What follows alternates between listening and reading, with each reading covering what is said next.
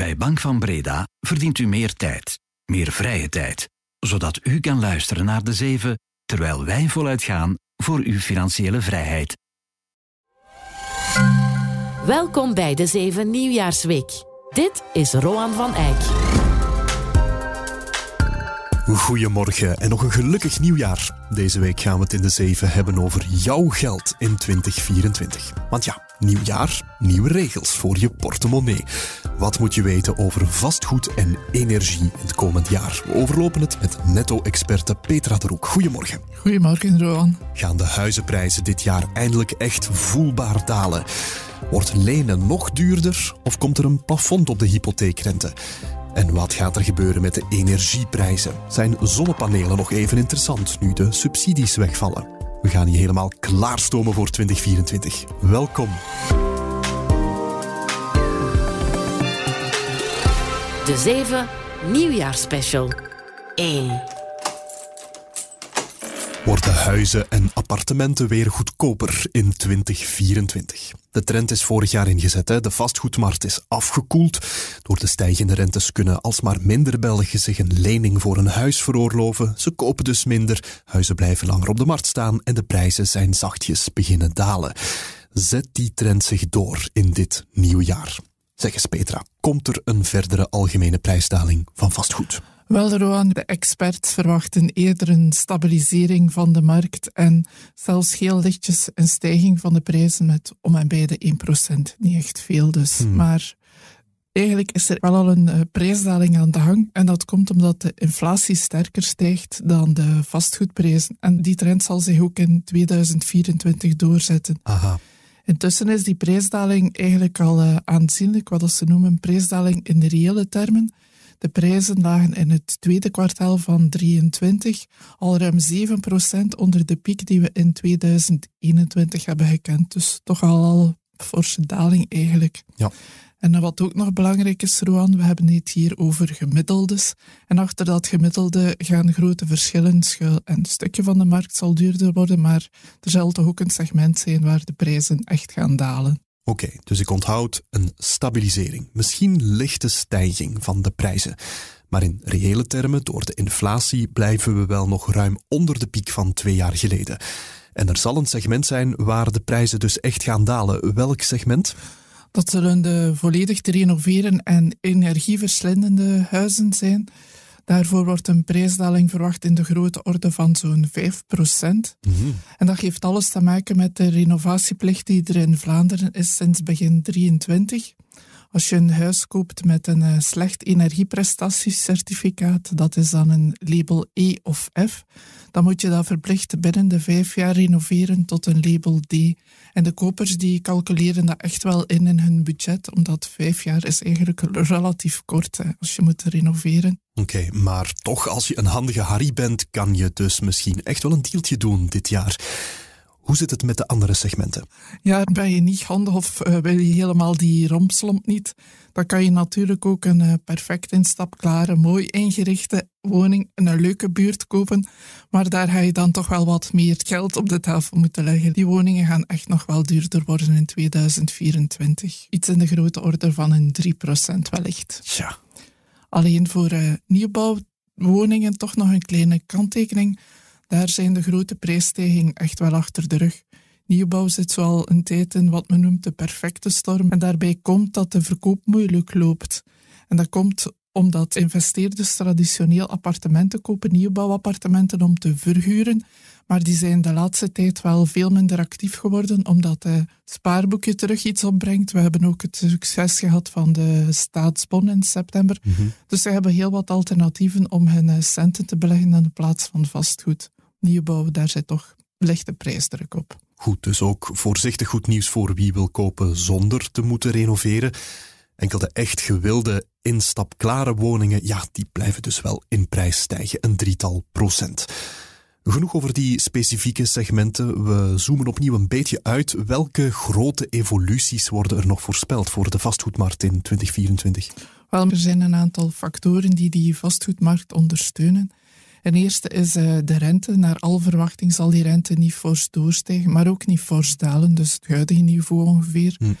En met de verkiezingen in het vooruitzicht worden er ook geen grote fiscale wijzigingen verwacht. Stabiliteit is goed op dat vlak. En ondanks het feit dat het economisch weer wat moeilijker gaat, blijft de werkloosheid stabiel. De gezinnen behouden een inkomen waardoor ze wel kunnen blijven kopen. Maar er is toch een uh, belangrijk knipperlicht en dat is dat de kloof tussen wie kan kopen en wie financieel niet meer in staat is om te kopen, dat die kloof steeds groter wordt. Jongeren hebben uh, steeds meer de financiële hulp van hun ouders of grootouders nodig om te kopen. En we zien ook dat jongeren op steeds langere termijn gaan lenen. De kloof tussen de kunners en de niet-kunners zal dit jaar dus nog groeien, jammer genoeg. Maar Denk je erover na om in 2024 je eerste eigen huis te kopen, maar heb je geen idee hoe je daaraan moet beginnen? Check dan onze podcastreeks Start to Imo. Daarin neem ik je samen met Petra en onze andere netto-collega's op sleeptouw.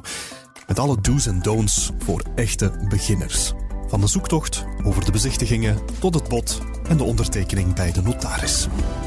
Je vindt Start to Imo eender waar je ook onze andere tijdpodcasts luistert. 2. We blijven bij vastgoed, maar nu gaan we het specifiek hebben over de woonlening. Hoe gaat dat evolueren dit jaar? Want ja, om een huis te kopen moeten de meeste van ons toch nog altijd gaan aankloppen bij de bank. De rente op woonleningen is de voorbije twee jaar zo even verdriedubbeld. Dat maakt het toch een stuk ja, pijnlijker om een huis te kopen, hè? toch voor de portemonnee. Je lichtte daar net al een tipje van de sluier, Petra. Je zei dat die rente niet fors zal doorstijgen, maar ook niet fors zal dalen. Hoe zit dat juist? Wel, de, de, periode van de grote renteverhogingen die is nu wel duidelijk achter de rug. Een uh, goede indicator voor de rente die je betaalt als je leent is de lange termijnrente op 10 jaar. En het ziet er naar uit dat die rente zal stabiliseren op de huidige niveaus. Ze zal niet doorstijgen naar 4 of 5 procent, maar anderzijds, er wordt ook geen forse daling verwacht. Hm. De experts die verwachten dat de rente eind 24 ongeveer rond de 3% zal liggen. Dus dat maakt niet zoveel verschil met vandaag. Rond de 3%, dat blijft toch hoog, hè, Petra? Frustrerend voor wie nu wil kopen als ik wil lenen, ja, wat kan ik dan doen om die pijn toch wat te verzachten? Kan ik dan bijvoorbeeld best kiezen voor een variabele lening, zodat mijn rentevoet tenminste mee kan dalen met de beleidsrente, hopelijk de komende jaren? Dat kan je inderdaad doen en doorgaans is een lening met een variabele rente ook wat uh, goedkoper. Maar weet Roan dat dat de voorbije maanden niet het geval was. In normale omstandigheden ligt de korte termijnrente beduidend lager dan de lange termijnrente en dan kan je voordeliger lenen met een variabele lening, omdat die regelmatig wordt herzien. Mhm. Maar uh, sinds de Europese Centrale Bank meer dan een jaar geleden de korte termijnrente fors begon op te trekken, waren de leningen met variabele rente duurder. Dus het komt erop aan om goed uh, na te gaan hoe de situatie is op het moment dat jij wil lenen. Oké, overweeg dit jaar dus zeker een variabele lening, maar kijk dan goed naar de korte termijnrente op dat moment. Zeggen, als die rente in 2024 niet daalt, Petra, en dat is dus waarschijnlijk, hè, is het dan niet slimmer om gewoon ja, nog even te wachten met kopen? Goh, ik denk dat je een uh, koopbeslissing niet kan laten afhangen van de rente alleen. Als je moet wachten op een lagere rente, ziet het er naar uit dat je nog wel lang gaat moeten wachten. Hmm. En een koopbeslissing is toch wel meer. Hè.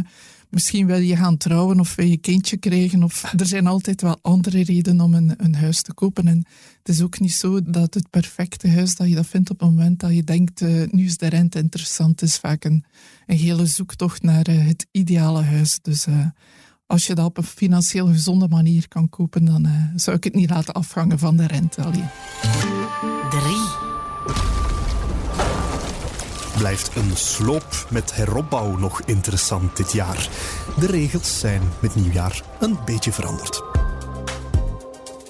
Als je een nieuwbouwwoning zet, dan betaal je gewoon 21% BTW. Maar als je een bestaand pand sloopt en daar dan een nieuwbouw voor in de plaats bouwt, dan maak je aanspraak op een sterk verlaagd BTW-tarief van 6%. Daar bestonden verwarrend genoeg twee verschillende regelingen voor in ons land. Die gaan nu op de schop. Sinds gisteren 1 januari geldt een uniforme regeling voor het hele land. Wat is er precies veranderd, Petra? Blijft het fiscaal interessant slopen en heropbouwen? Ja, het blijft wel interessant. Tot vorig jaar waren er eigenlijk twee regelingen. Er was al vele jaren een permanente regeling in 32 steden zonder veel voorwaarden. En dan in de crisisperiode is er een tijdelijke regeling gekomen voor het hele land. Die tijdelijke regeling is verlengd, maar dan in een nieuwe vorm die dan voor het hele land telt en ook voor de 32 steden. Maar uh, er zijn uh, redelijk wat voorwaarden die je moet respecteren. Vooral voor uh, mensen die in de 32 steden willen slopen en heropbouwen is er toch wel wat veranderd. Wat zijn nu die voorwaarden? Het eerste is dat het moet gaan om het huis waar je zelf kan wonen. Je moet er effectief zelf met je gezin gaan wonen. Mm Je mag ook geen eigenaar zijn van andere woningen. En bovendien mag de oppervlakte van je woning maximaal 200 vierkante meter zijn.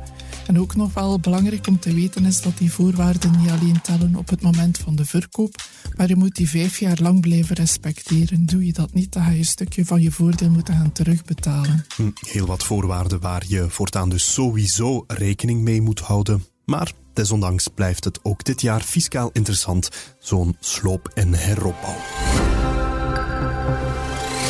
4. Misschien niet voor ieder van ons weggelegd, maar als je een lening wil aangaan om een tweede verblijf te kopen of een investeringspand, dan moet je nu even luisteren, want er is ook daar sinds 1 januari iets belangrijks veranderd.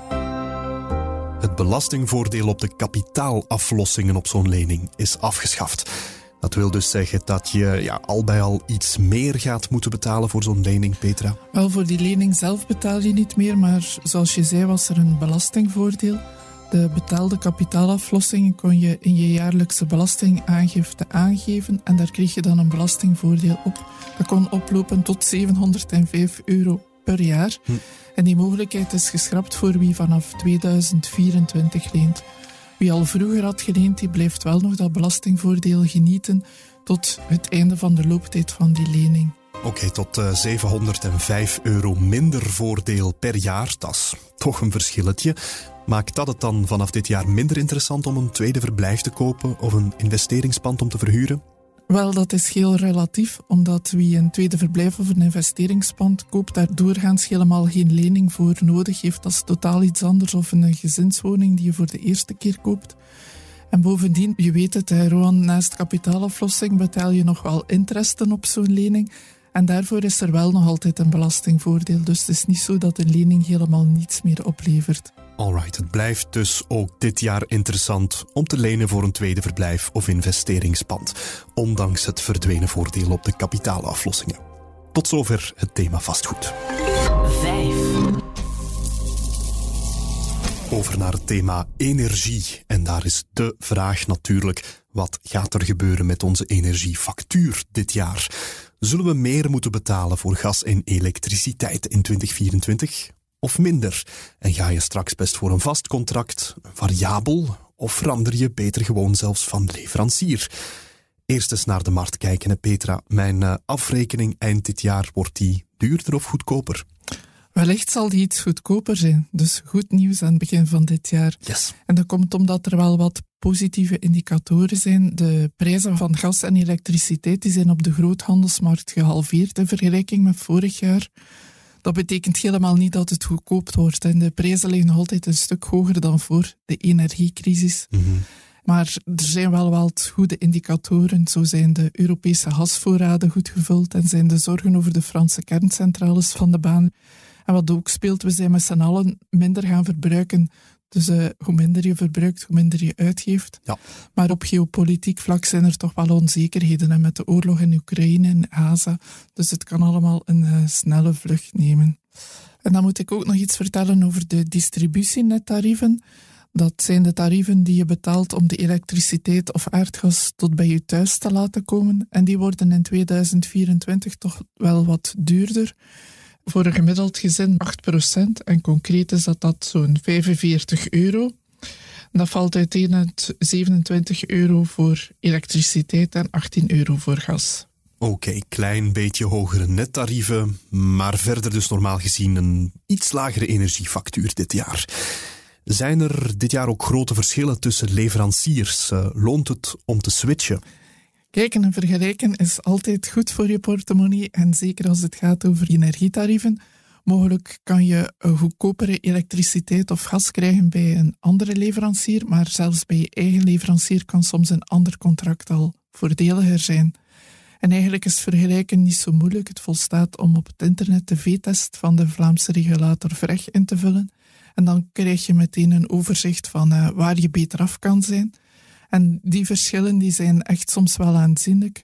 Voor uh, aardgas zit er een verschil van bijna 650 euro tussen het duurste en het goedkoopste tarief op de markt. Dat is echt wel een slok op de borrel. Ja.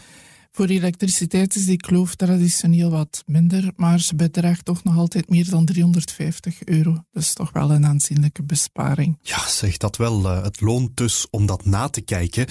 Zeg Petra, door de energiecrisis hebben veel mensen moeten switchen van een vast naar een variabel contract. De prijs van die energie volgt dan de marktprijs. Is de ene maand duurder, de andere maand goedkoper.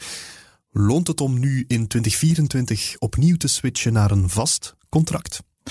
Dat is een beetje een afweging die je zelf moet maken, denk ik. Een vast contract moet je zien als een verzekering. U loopt niet het risico dat de prijzen fors zullen stijgen door bijvoorbeeld nieuwe spanningen in het Midden-Oosten of zo.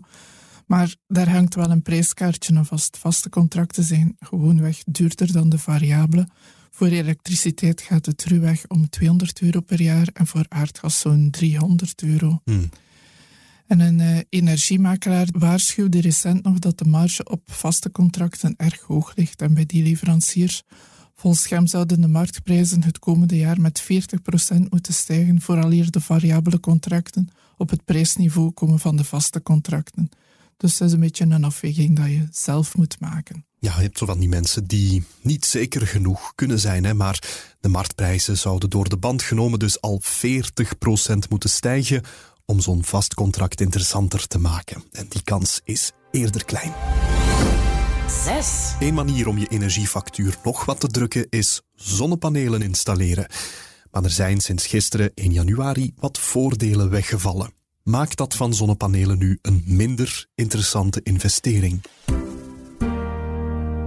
Wat is er veranderd? Wel, de subsidie en de BTW-verlaging voor zonnepanelen zijn afgeschaft. Waar gaat het precies over, Petra? Het gaat enerzijds om een Vlaamse premie van 750 euro, die werd betaald door Flivius. En daarnaast was er van de federale overheid een tijdelijke btw-verlaging voor groene investeringen. Die is afgelopen, maar dat is eigenlijk alleen belangrijk voor recente woningen.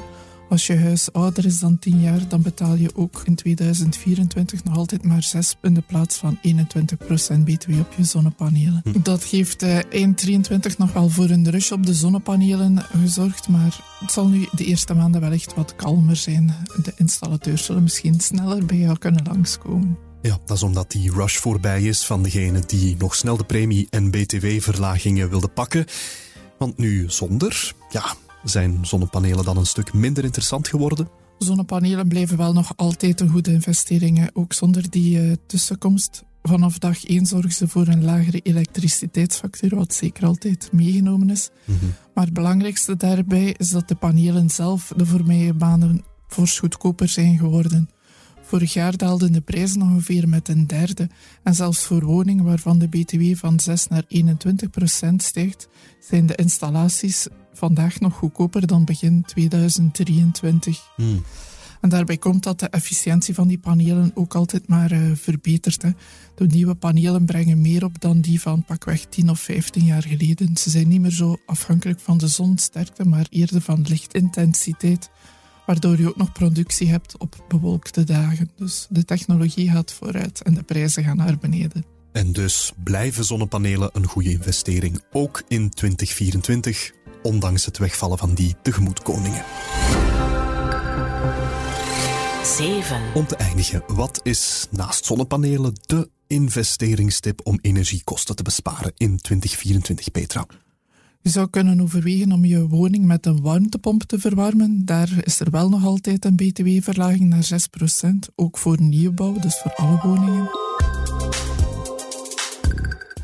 Het is vooral in nieuwbouw dat een warmtepomp wordt gebruikt, maar het is ook mogelijk in bestaande woningen om je bestaande woning ermee te verwarmen.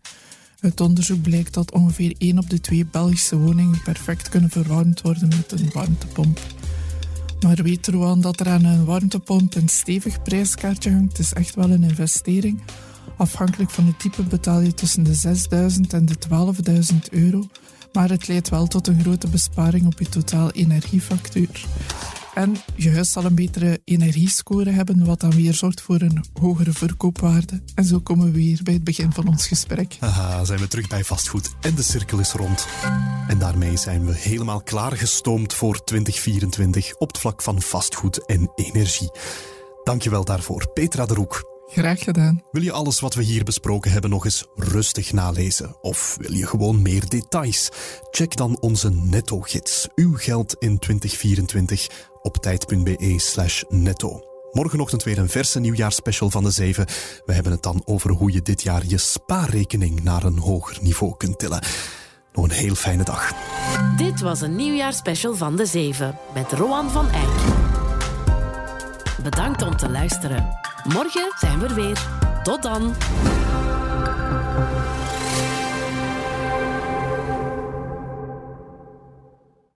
U verdient meer peren. U verdient meer anticiperen. U verdient meer anticiperen van uw financiële partner, zodat u ten alle tijde rustig kan blijven, ook als de beurs haar peren ziet. Ook u verdient meer Bank van Breda. Professioneel en privé. Bank van Breda. Enkel voor ondernemers en vrije beroepen.